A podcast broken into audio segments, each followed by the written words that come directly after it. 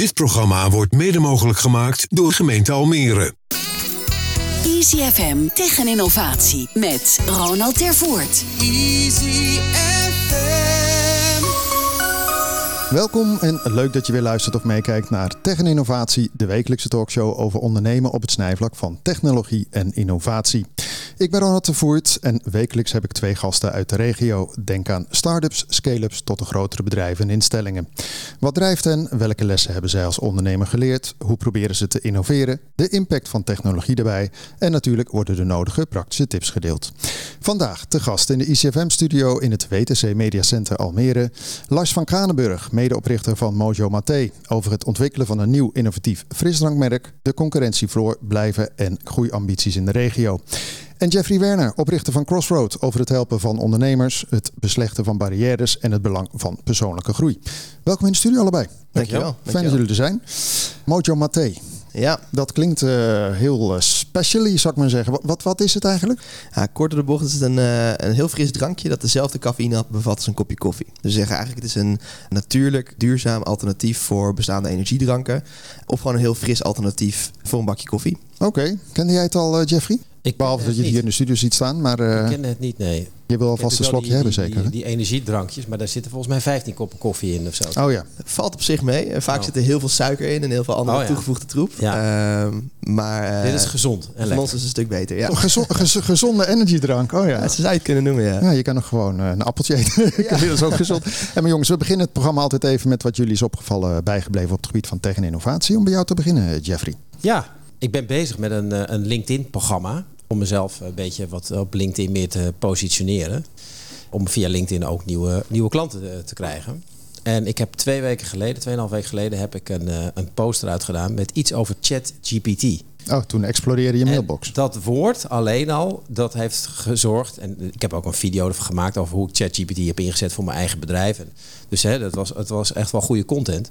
Maar puur alleen dat woord ChatGPT, dat heeft al voor een enorme boost gezorgd. En uiteindelijk is die viral gegaan. Heb ik bijna 400.000 views en eh, eh, bijna 3000 aanvragen. En gigantisch. Dus AI, een vorm daarvan is ChatGPT. Dat is wel het, wat mij het meest is opgevallen de laatste tijd. Ja. Maar je hebt een post gemaakt waar dat in terugkomt. Ik heb een post gemaakt waarin ik heb verteld van hoe ik ChatGPT heb ingezet om mijn sales- en marketingplan te maken van mijn bedrijf.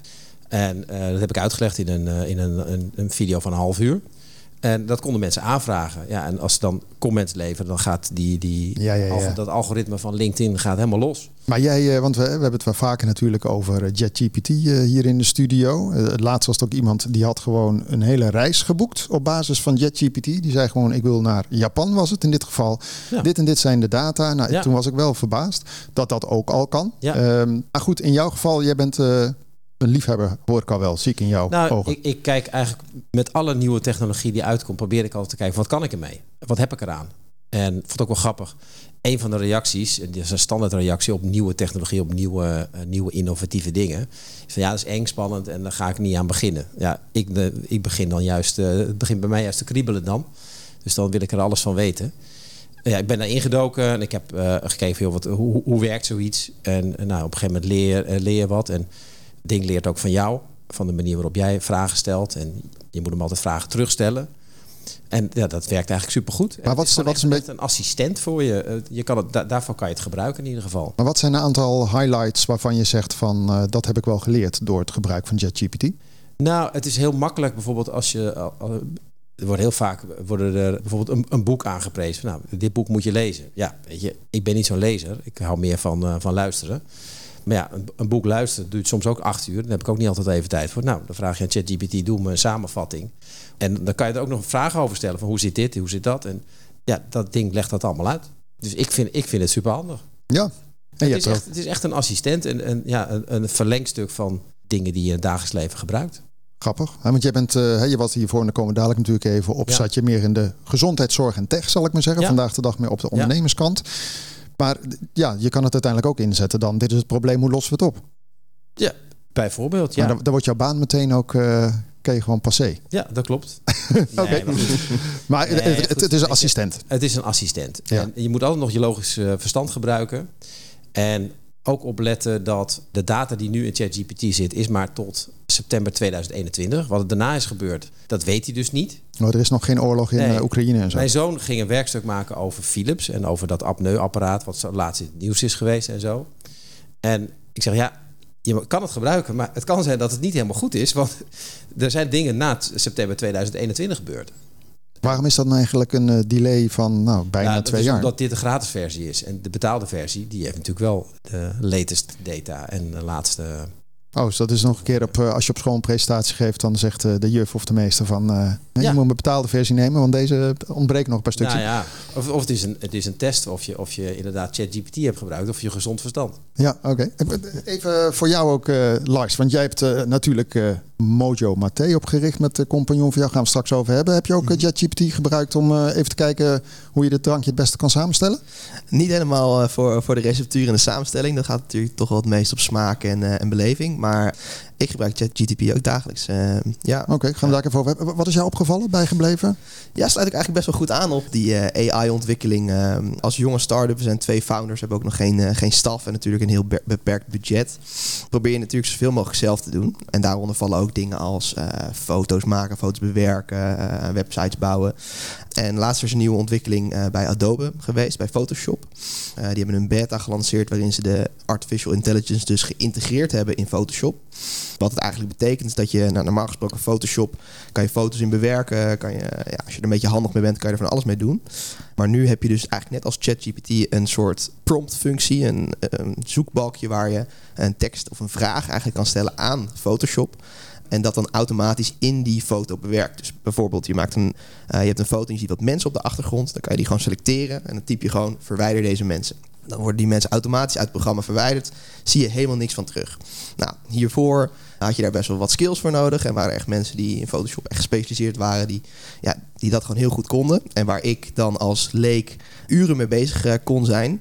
Maar door deze nieuwe functie eh, is Photoshop voor mij ook veel toegankelijker en veel makkelijker om te gebruiken. Je kan zelfs hele nieuwe dingen erop zetten. Bijvoorbeeld eh, als je een, eh, een achtergrond van een mooi, eh, mooi meer hebt, dan kan je gewoon een, een cirkeltje tekenen. Ik zeg, ik wil hier een boot hebben. En dan projecteert hij gewoon een boot. Dat bedenkt hij gewoon het, eh het al- Maar jij kan gewoon eigenlijk, eh, waar je normaal marketinggeld of eh, aan kwijt bent, Ja. aan een bureau, aan Ja. een designer.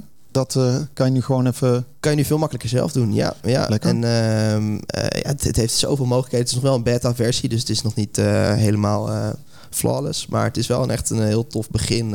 en het stelt inderdaad mensen zoals ik, die beperkte kennis hebben van, van dit soort eh, ja, programma's, wel in staat om er veel meer mee te doen dan eh, voorheen. Ja, ik zag ook, eh, ook wel eens dat Adobe volgens mij, als je dan een foto hebt, ik noem maar wat, van, van een kat. En die kijkt rechtuit. Kon je gewoon met een muisklik, dat hij gewoon naar links kijkt. En dan heb je niet een of andere gemorfde gekke kat. Dat klopt ook gewoon. Daar heb ik met Ja. verbazing naar zitten kijken afgelopen week. Ja, dat is echt, het is echt bizar hoe het werkt. Je kan hele stukken foto, wat gewoon naast de foto, kan je hele nieuwe stukken eraan plakken. Alsof je foto gewoon twee keer zo groot is. En dan dat genereert hij gewoon zonder dat je ziet dat het eh, niet dezelfde foto is. Dus Ja. het is echt on- ongelooflijk. Ja, wat dat betreft, hè, want we kunnen er wel gekscherend over doen, ChatGPT, en het gaat er zo vaak over. Maar het is Mhm. toch een soort ja, iPhone-moment, of in ieder geval een game changer. Zeker. Het, eh, het, het gaat door.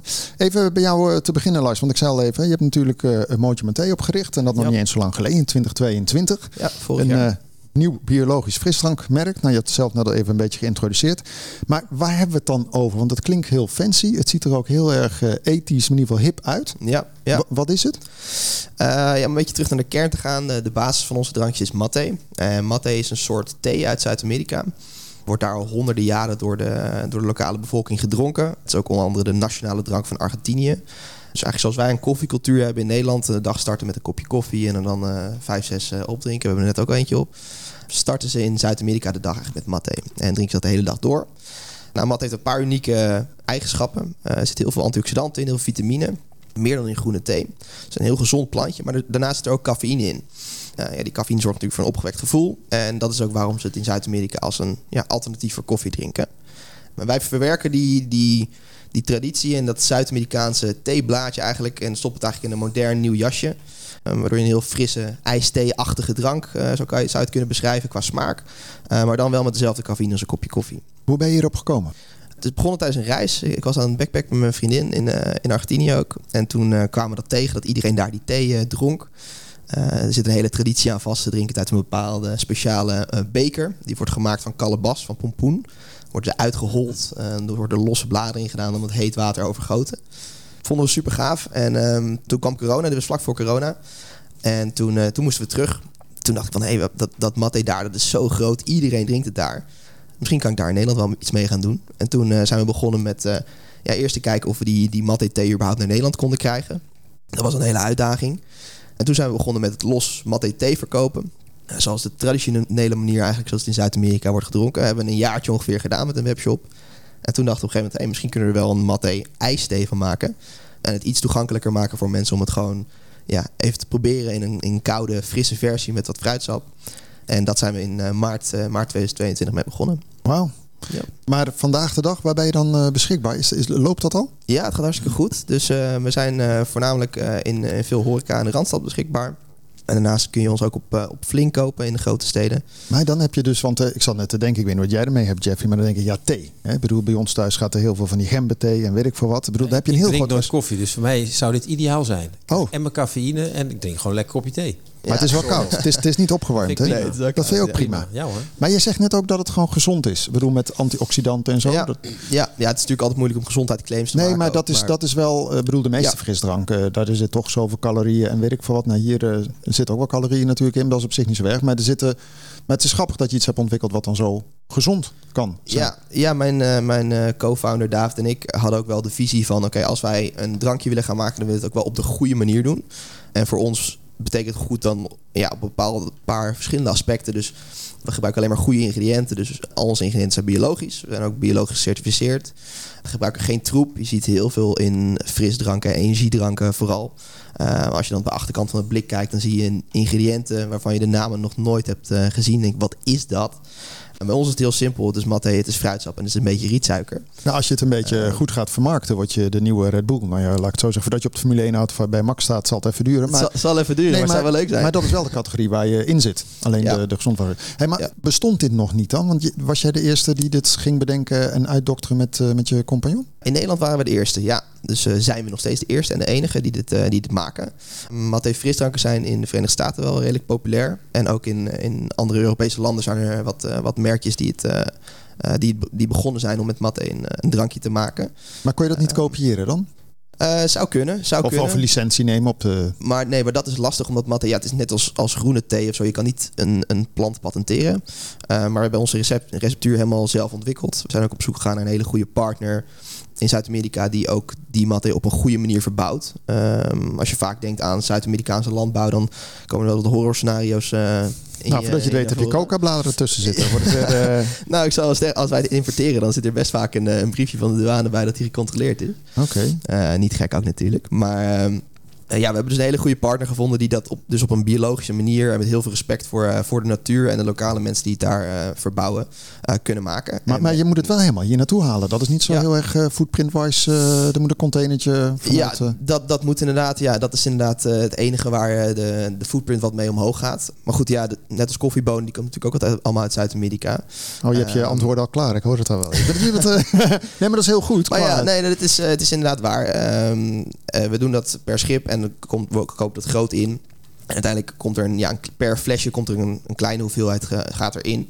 Dus onze, onze footprint per fles is uiteindelijk daardoor eh, nog steeds niet zo heel hoog. Als je dan even kijkt, hè, want je zegt, oké, we hebben dat ontwikkeld en noem maar op. Dat heb je allemaal hier in Nederland gedaan, neem ik aan. Ja. Maar uiteindelijk moet je dat ook allemaal nog financieren. Klopt. En het is eh, een business waar veel geld in omgaat of veel geld in te maken valt. Ja. Hoe heb je dat gedaan dan? Ehm, ja, we zijn eigenlijk gewoon begonnen met wat eh, van ons eigen spaargeld. Dus allebei wat, eh, wat geld ingestopt om eh, de eerste eh, samples te maken, receptuurtjes te ontwikkelen. En toen zijn we samen met een speciaal bierbrouwer in Zaandam zijn we verder gaan tweaken. En hebben we onze receptuur afgemaakt. En toen eigenlijk ja, konden we gewoon uh, heel klein starten en uh, gewoon een paar honderd flesjes tot een paar duizend flesjes per keer maken. Nou, dan gingen we die gewoon vermarkten, verkopen aan de horeca, in, voornamelijk in Amsterdam en omgeving. En nou, met wat we daaruit verkocht hebben, konden we weer wat meer maken. En zo konden we steeds langzamer groeien. of steeds iets sneller groeien. Maar op een gegeven moment wil je versnellen. Dan, ja, ja, dus we hebben recentelijk een crowdfunding gedaan. Oh, grappig. Eh, hebben we ja, van vrienden en familie eh, bij elkaar eh 65 mensen hebben ons gesupport. En ja, daarmee hebben we nog een eh, ja, wat nieuwere stap kunnen maken om Hoeveel heb je daarmee opgehaald? eh 25.000 euro. Oké. Valt ook nog mee, hè? Qua- ja, het is kwa- voor crowdfunding principes ook nog niet een hele grote crowdfunding. Maar we vonden het vooral ook heel tof om mensen eh, te betrekken bij het bedrijf en eh, enthousiast te maken ehm, ja, om ons eh, met onze groei te supporten. En het was wel net wat we nodig hadden om die volgende stap te maken van kleinschalige brouwerij naar een echt een ja, professionele afvuller. eh, waar we grotere hoeveelheden eh, konden afvullen. Als je dan even kijkt, want we hebben te maken natuurlijk met inflatie, et cetera. Dit zit in glas, hè, dat wordt ook niet goedkoper. Ehm, je bent ook trouwens gewoon in de horeca hier in Almere volgens mij Ja, gewoon klopt. beschikbaar. Maar hoe gaat het dan met die hele afzet? Want ik kan me voorstellen dat de frisdrankfabrikanten, wat is het, Riedel of Coca-Cola, whatever, dat die denken, eh, oh, hou we in de gaten. En als het te groot wordt, dan eh, kopen ze wel op of we duwen ze weg. Eh, hoe, hoe gaat dat nu? Ja, dat zou je bent nog te klein. Ik, ik heb nog geen aanbod gekregen van Coca-Cola. Maar Nee, maar bedoel, ik kan me voorstellen, je neemt wel ruimte in een schap in bijvoorbeeld. Ja, ja, ja, zeker. Dus er zijn ook ehm, bepaalde grote partijen. Denk aan eh, grote festivals of andere, andere grote partijen. Die natuurlijk gewoon contracten liggen met eh, partijen als Coca-Cola of, of Red Bull. Eh, ja, daar kom je dan niet makkelijk tussen. Maar er zijn heel veel ehm horeca-ondernemers en, en kleinere partijen die wel genoeg schapruimte hebben. Of die het leuk vinden om gewoon met ja, nieuwe innovatieve producten te werken. Ja, tot nu toe hebben we nog niet echt het gevoel gehad dat mensen echt in de weg hebben gezeten. We zijn natuurlijk ook de enige in Nederland die het doen. Eh, dus we hebben echt een, eigenlijk een apart klein categorietje voor onszelf gecreëerd. Waar we zo min mogelijk mensen in de weg zitten. Maar jij moet gewoon, net zoals wat Red Bull voor me ooit deed, door het land rijden met zo'n leuk eh, gepimpte wagen met heel veel van dit spul erin. En dan maar eh, Ja. uitdelen of zo. Ja, dat of is, is, eh, dat te duur? Ja, dat is natuurlijk wel, hangt de prijskaartje aan. Maar we doen zeker sample, eh, sample sessies in parken en in, eh, op het strand en eh, dat soort dingen. En ja, probeer gewoon vo- voornamelijk zo veel, zoveel mogelijk mensen enthousiast te maken. Ook door eh, digitale marketing en dingen. Om eh, ja, te zorgen dat ze ons, eh, ons merk gaan kennen en het gaan drinken. Ik het heb je- vroeger nog gesampled voor een sigarettenmerk. Dat mocht toen nog. Toen mocht je ze nog uitdelen. Jeetje, zo oud ben je wel niet. Ja, ik wou net zeggen. ja, nee, maar vroeger had je ook trouwens, als je het over Formule 1 hebt, er stonden gewoon eh, sigarettenmerken op. Ja, zeker. Daar kan je nu niet meer eh, voorstellen eigenlijk. Nee. Maar goed, maar, Ja. maar jij zit vandaag de dag komen natuurlijk dadelijk verder op Jeffrey eh, in het helpen van ondernemers. Als je Ja. dit even aanhoort, want dit is natuurlijk een, een succesvolle start-up. Er zijn natuurlijk ook genoeg die, eh, die het ook proberen, maar niet Ja. eh, verder komen. Ja, wat voel je hierbij? Denk je, Nou, nou, dit, hier gaan de krijg op groen? Ik krijg er heel veel energie van. Ja, dit Ja, maar misschien heb jij ondertussen drankjes lopen drinken. Nee, nee, nee, nee, nee, dat heb ik nog niet gedaan. En ik drink geen koffie, dus het is Oh echt ja. puur, eh, puur natuur. Nee, ik vind het leuk om te horen. eh, en vandaar dat ik ook vroeg hoeveel heb je opgehaald. Dat geeft een beetje idee van welke, welke fase ze zitten. Ja. En deze fase kenmerkt zich met name van ja, hoe ga ik mijn product zo goed mogelijk aan de man krijgen. Verkoop is, is super belangrijk in deze fase. En om te kijken of je in die, in die versneller terecht kan komen. En dan, dan gaan er weer hele andere dingen spelen. Dan ga je wel, wel meer als scale-up. Je bent nu nog echt de start-up. Ja. Die, eh, Maar moet je dan niet ook even meer geld gaan ophalen dan? Eh, zijn Dat, wel, eh, dat eh, ben je ook al snel weer, wat is het, een jaartje mee kwijt of eh, drie kwart jaar? Ja, zeker. zeker. We zijn ook, eh, zijn ook mee bezig. Dus ehm, we, zijn, eh, we zijn een beetje wat beginnende gesprekken aan het voeren met investeerders. Omdat ja, het kost gewoon heel veel geld om zo'n drankje op de markt te zetten. Marketing kost ontzettend veel geld. En ehm, nou, het, is, het is heel simpel. Hoe meer je kan maken, hoe groter uiteindelijk ook je marges worden.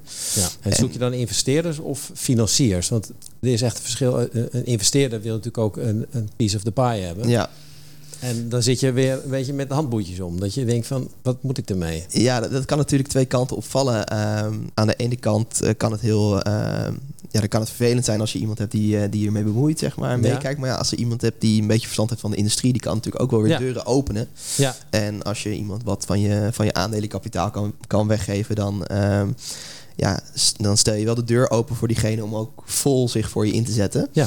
Dus het is een beetje een. eh, het, het heeft twee kanten. Want geld is mijn geld. Hè? Ik bedoel, geld kan je overal halen. Op het moment dat je Ja. iemand hebt die dat, eh, die business heel goed kent, zal ik maar zeggen. Dan, eh, hey, maar je hebt vandaag de dag heb je twee. Mijn vraag had ook een, een, een ander idee. Omdat als het puur om geld gaat, dan kun je het beste gewoon iemand hebben die alleen, die alleen een rentepercentage betaalt. Ja. Maar als je dan iemand hebt die ook aandelen daarvoor wil terug wil hebben, ja, dan is het wel handig dat het iemand is die ook kennis en kunde heeft in het vakgebied waar jij in, zit. Want dan, dan heb je er ook nog wat aan. Anders is Ja. het alleen maar dood geld. Dan Ja? Heb je iemand in mind trouwens dan? Ik ken wel mensen die hierin geïnteresseerd zijn, ja. Oh, kijk. Nou, hier, de, there you go. Maar hoeveel geld wil je op gaan halen trouwens? Vind ik nu nog lastig om te zeggen. Maar, Maar, net eh, had je over 25.000. Dat is voor veel mensen eh, in die categorie eh, qua investeerders is dat een soort koffie. Ja, nee, wel, we gaan wel richting een tienvoud daarvan dan wat we ons zouden willen gaan op, ophalen. Ja, om, om echt een, een grote volgende stap te kunnen zetten. Ja. Dus ja, daar gaan we druk mee bezig de komende tijd. Twee eh, soorten heb je vandaag de dag. Je hebt de original, zie ik hier, en een eh, passie eh, fruit. Ja, Ga je dat trouwens allemaal zelf testen? Heb je allemaal testpanels met Jeffries en Ronalds die dat moeten testen en zeggen, te niet lekker. Wij zijn, oh, we zijn te oud. Want hoe oud, hoe oud is die groep zeg maar, die, waar je op richt? Of maakt het niet uit? Lekker breed. nou, onze voornaamste doelgroep zit een beetje tussen de 20 en de 40 in. Ja. Oh ja, oké. Nou, we zetten je zo even weg. We gaan verder met Jeffrey. Maar voor iedereen ja. die het lekker vindt. Hoor. Ja, nee, wij vinden het in één keer helemaal niks meer. Maar dat maakt niet uit. Maar je hebt twee soorten. Nu kan ik me voorstellen met die doelgroep die je zegt 2040. Die is natuurlijk ook deels nog op, op zoek. Hè, je kan er misschien nog wel, ik noem wat, een aardbeismaak van maken. Of, eh, ik bedoel, ik, ik heb wel eens een keer mensen gehad ook met, met allemaal sapjes met uien en weet ik veel wat. En gember. oh ja. Nou ja, daar komt het woord gember weer. Wat voor plannen heb je dan? Hoe ga je dat doen? Ga je dan zelf bedenken, oh, dit vinden we misschien wel lekker? Ja, eh, dat is echt een beetje. eh, we noemen ons ook wel eens een craft, een craft soda. Ehm, hoe wij eigenlijk al onze smaken ontwikkelen is nog steeds samen met onze, eh, onze eerste brouwer in Zaandam. Die heeft dus eigenlijk een soort van ja, een kleine speciaal bierbrouwerij, een destilleerderij. Dus die creëert ontzettend veel nieuwe dranken. En ehm, ja, dat proces is eigenlijk heel, eh, heel leuk en heel tof. We gaan dan samen met, eh, met een paar vrienden gaan we gewoon ehm, ja, brainstormen over, over ideeën. Hey, wat zou leuk zijn? Wat zouden mensen lekker vinden? En dan gaan we, gaan we dat testen. Dan gaan we gewoon verschillende receptuurtjes eh, bij elkaar gooien. Op hele kleine schaal maken. En dan eh, ja, na een tijdje ja, komt er dan eentje uit. En dan kunnen we dat iets groter maken. Aan vrienden en familie laten proeven. feedback verzamelen. Oké. En zo zijn we tot deze twee smaken gekomen. En we zijn ondertussen ook bezig met een, met een nieuwe smaak. Maar ik weet nog niet wanneer we die eh, gaan uitbrengen. Dat zal eh, misschien nog wel even duren. Oké. Nou, het ziet er een beetje uit als eh, appelsap. Qua de, Ja. de kleur. Ja. Ja, ja, dat is de, de, de matte is echt een beetje wat, wat het de kleur geeft. Dat beetje dat goud, goudgele kleurtje. Ja. Wat is je grootste uitdaging dit jaar? Goed opschalen. Het gaat goed aan de man brengen. Dus we zijn ja, hard aan het groeien. druk bezig met nieuwe partnerships. ehm, zodat onze doelgroep ons ook kan vinden en ons ook kan bestellen. Eh, dus daar zijn we druk mee, eh, druk mee bezig. Maar de grootste uitdaging is natuurlijk om dit eh, ja, bij het grotere publiek te krijgen. Ja, heb jij al tips, Jeffrey, eh, eventjes eh, ter afsluiting van dit stuk, eh, dat je zegt van nou, let daar en daarop? Of eh, moet jij dan meer info hebben? Nou, dan zou ik wel iets meer dieper in het gesprek in willen gaan. Wat me wel opvalt, je hebt nu twee drankjes. En voordat je tien drankjes maakt, zou ik eerst proberen om te kijken of deze twee Ja. echt goed aanslaan. Nee, zeker, En, zeker.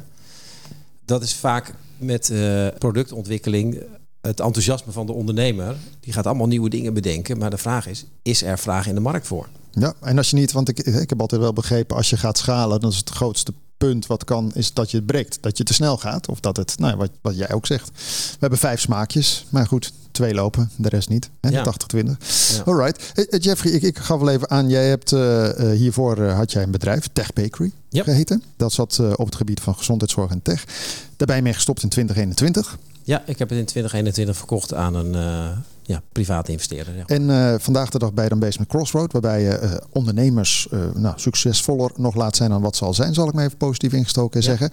Had je dat meteen dat idee? Of, eh, Nee, ik heb eerst na de verkoop even een tijdje vakantie gehouden. En toen bedacht ik, wat wil ik nou eigenlijk? Waar krijg ik nou energie van? En eh, wat vind ik superleuk om te doen? En ik vind het superleuk om mensen te helpen en te begeleiden. En ik vond het leukste aan mijn bedrijf dat hele groeiproces. Het pionieren daarin. Zeg maar die beginfase, dat vond ik echt superleuk. Ik heb vorig jaar bij een bedrijf gewerkt waar eh, ze zeg maar de, de scale-up methodiek van Vern Harnish bij bedrijven implementeerde. Dus daar ben ik in opleiding geweest als scale-up coach. wat houdt dat in trouwens? Dat je de, zeg maar de, de theorie kan vertalen naar de praktijk. Nee, maar broer, wat is die, wat is die methodiek? Dat bedoel ik nu. Dat kan, eh, dat kan, Heel- je mag simpel. aantekeningenboekje hebben. Heel, heel, simpel gezegd, heel simpel gezegd is het een methode om je bedrijf te runnen. Het is met name bedoeld voor scale-ups, dus een fase ietsje verder. Wat je doet is je zet een stip aan de horizon en gaat eigenlijk terugwerken van wat moet ik morgen doen om die eerste stap die richting in te zetten. En zitten nog heel veel, eh, aan, de, kerstboom nog heel veel meer eh, toeters en bellen. Maar daar, komt het eigenlijk, eh, eigenlijk op neer. Dus op een gestructureerde manier met je bedrijf aan de slag gaan. Ik heb een programma ontwikkeld met name voor de bedrijven die, tot een, die, die willen groeien naar een miljoen. Dat is, dat is de magische grens. Ik focus me ook meer op het marketing- en salesstuk, wat ik net al aangaf. Dat is een hele belangrijke factor in het begin van, voor het welslagen van, eh, van, van een start-up. Voor welke bedrijven doe je dat nu dan? Ik heb nu een aantal klanten waar ik dat, eh, waar ik dat voor doe. Maar zit dat dan ook weer in de zorghoek waar je dan Nee, oorspronkelijk... dat is eh, verschillend. De een eh, verkoopt kleding online en de ander verhuurt jachten en zeilboten. En zo heb ik er nog, nog een paar. Ja, want wat gaat nou, hè? want ondernemen is natuurlijk altijd lastig. Hè? De meeste ondernemers zeggen ook, ik moet altijd, het is een e- eenzaam aan de top, zal ik maar zeggen. En, maar wat zijn nou vaak dingen die je tegenkomt dat je zegt ook van ja, let daar nou eens op. Want bedoel, wat jij zegt klinkt heel logisch, stip en dan terugwerken naar hele Mhm. praktische zaken. Maar dat je zegt van nou, je ziet wel vaak dat, hè, ik noem wat, een ondernemer begint. Ja, en dan vraag je twee jaar later, wat is het businessplan? Eh, wat, businessplan? Ja. Eh, en en, en dan go with the flow. Nou ja, zeker eh, met een meer startende bedrijven. En dat heb ik zelf ook meegemaakt. De eerste anderhalf jaar deden we eigenlijk maar wat. En we hadden gewoon een heleboel energie en heel veel leuke ideeën. En eh, klanten waren voornamelijk vrienden en familie. En, en een beetje daar, eh, daar, eh, daarbuiten via. De friends, fools en families. Ja, Nou, nou dat is ja, de fase waar jij zit lekker. de- de- ja. de- nee, je gaat eruit. Hè? Ja. Vooral veel fools, denk ik dan achteraf terug. Want ja, wat, wat konden we eigenlijk? En in 2011, 12 ben ik in de aanraking gekomen met het, de, de scale-up methodiek van, van Vern Harnish. En toen is eigenlijk het balletje gaan rollen. Dan ga je dus een, strategie bedenken. Dan moet je dus opeens keuzes gaan maken. Nou, dat is voor een, een jonge, enthousiaste, energieke ondernemer super lastig. Want ja, je wil eigenlijk alles. Je ziet overal een opportunity in. Ja, je moet wel keuzes maken. Want als je geen keuzes maakt, dan, ja, dan vliegt het eigenlijk alle kanten op.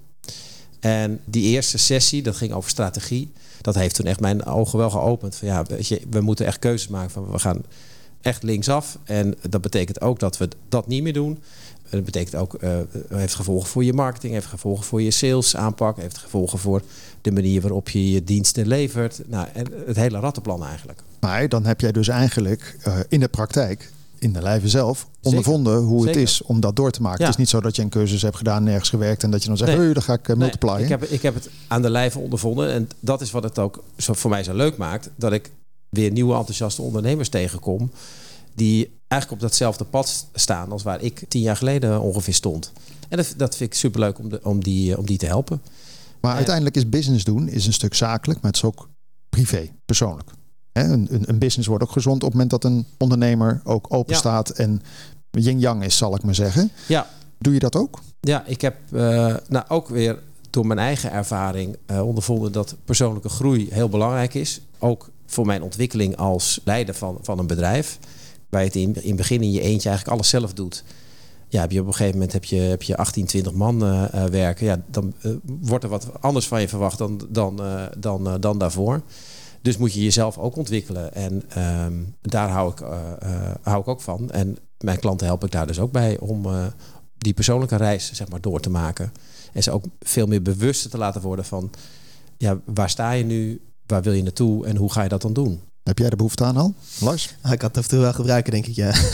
Maar zijn het ook eh start-ups die, je- die je gewoon doet, volgens mij? Als ik jou... Met name start-ups. Oké. Ja. Dat is waar ik me, waar ik me op, op focus inderdaad, ja. Ja. En is het dan zo dat ze een soort pakket afnemen? Of is het dan dat ze jou per uur moeten gaan betalen? Nee, het is een, echt een programma. Eh, Je hebt het stuk business coaching en het stuk personal coaching. Het business programma duurt meestal ongeveer een jaar.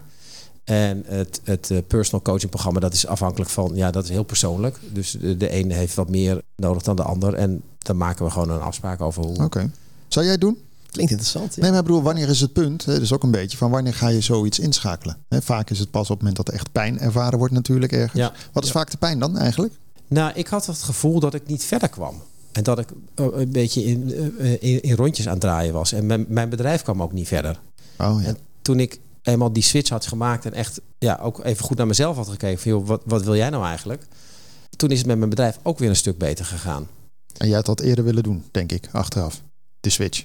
Of zeg je Eh, nee, het is goed als je eerst tegen die grens aanloopt? Nou, het, dat maakt het wel, hè, dat maakt het wel harder. En eh, ik had liever al in de, in, de, in het begin wat meer begeleiding gehad. Ja, dat klopt. Ja. Nee, maar het is altijd een beetje de vraag toch, Lars? Van wanneer, hè, je, je bent een start-up, dus je moet elke eurotje vijf keer omdraaien, zal ik maar zeggen. Ja, zeker. Maar goed, groeien doet pijn, maar groeien ja, is wel waar je naartoe wil.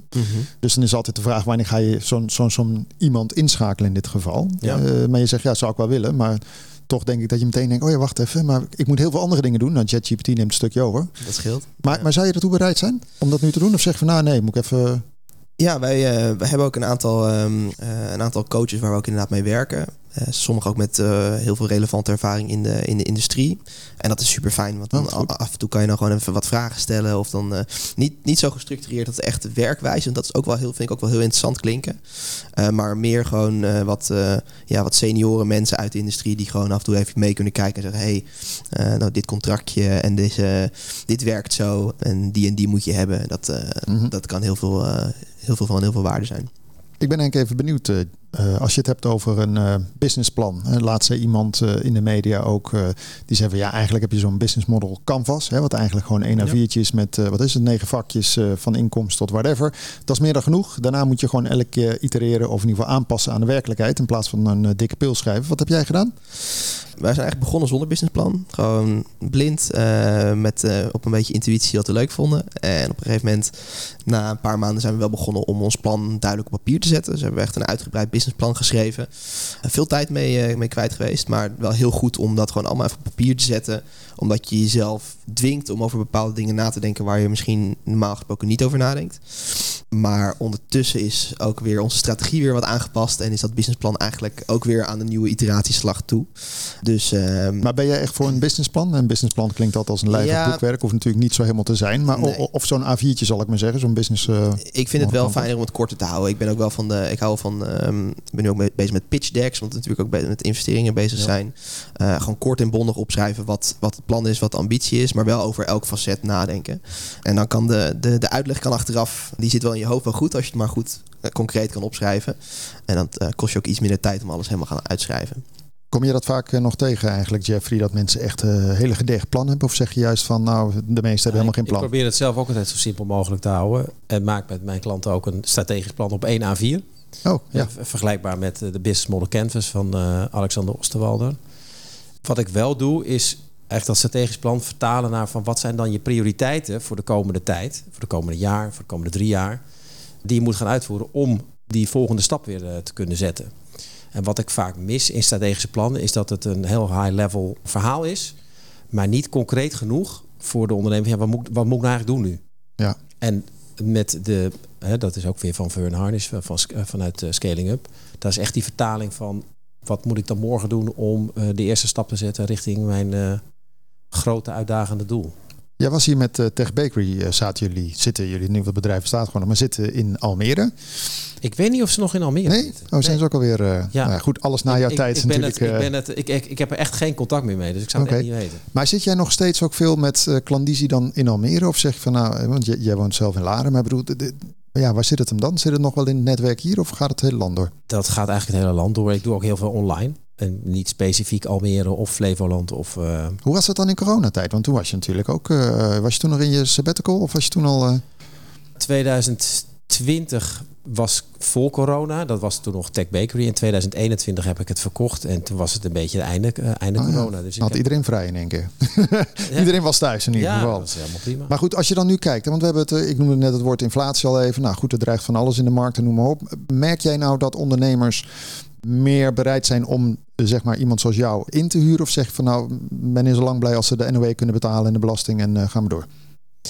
Nou, ik merk niet zozeer dat het, dat het een, een probleem is om als mensen bereid zijn om te investeren in zichzelf en uh, in, hun, in hun bedrijf, dan is het niet zo'n probleem. En ik kan ook redelijk goed laten zien dat de investering die je doet ook, ook heel snel weer terugverdiend kan worden ja, dat, wat dat betreft merk ik niet zo'n heel grote, grote uitdaging daarin. Oké. Okay. Ga je weer een bedrijfje omheen bouwen of blijf je één pitter om het even nee, plat te slaan? Dit is, dit is, ik ben nu één pitter. Dat heb ik expres gedaan, omdat ik het gewoon nu helemaal vanuit mezelf uh, wil, uh, wil doen. Maar hier gaan zeker uitbreiding op volgen. En uh, ik ben gewoon weer een start-up. En dat, vind ik, dat vind ik eigenlijk super leuk. Ik heb voor dit jaar een bepaalde doelstelling om een, een bepaald aantal klanten te hebben. En dan gaan we aan het eind van het jaar gaan we weer kijken van wat gaan we volgend jaar doen. Dan gaan we terugkijken op het afgelopen jaar. En uh, gaan we kijken hoe we dat volgend jaar weer verder gaan doen. En ja, ik ben nu officieel alleen, maar ik maak al gebruik van allerlei verschillende mensen die mij helpen met bepaalde dingen. Dus ja, wat is, wat is alleen ondernemen? Nee, nee, nee. Maar dat, nee, tuurlijk, je kan, uh, in jouw geval kan dat helemaal niet, want je zit niet op een zolderkamer iets te doen. Maar de, doe je nog bepaalde domeinen? Of zeg je van nou, uh, daar zie ik heel veel kansen? Of zeg je nou, het is eigenlijk heel breed? Nou, ik vind het superleuk om met bedrijven te werken die technologie inzetten in hun bedrijfsproces. Dus die kijken hoe technologie hun product kan verbeteren of hun dienst kan, kan verbeteren of op een bepaalde manier naar de markt gaan. Eh, Bijvoorbeeld veel met internettechnologie werken. Dat vind ik leuk. Dat stukje technologie, dat is wel wat mij onderscheidt, denk ik, van de miljoenen business coaches die er verder ter wereld eh, zijn. Uh, ik probeer ook altijd die link te maken van als ik, als ik een, een nieuwe klant heb, van ja, hoe kan technologie dit bedrijf helpen om die versnelling ook in te gaan? Want dat is waar je naartoe wil. Jij nog vragen, Luis? Ze nu nog gratis stellen. Geen pakket af te nemen. Krijg straks een factuurtje naar. Ja, ja, nee, daar moet je mee oppassen. Dat, uh, maar, uh, nee, maar helemaal helder. Hey, dan even richting het einde van het programma waar we zijn aanbeland. Vraag ik altijd even de gasten waar ze op veugen komende week. Uh, voor jou, Lars, waar veug je op?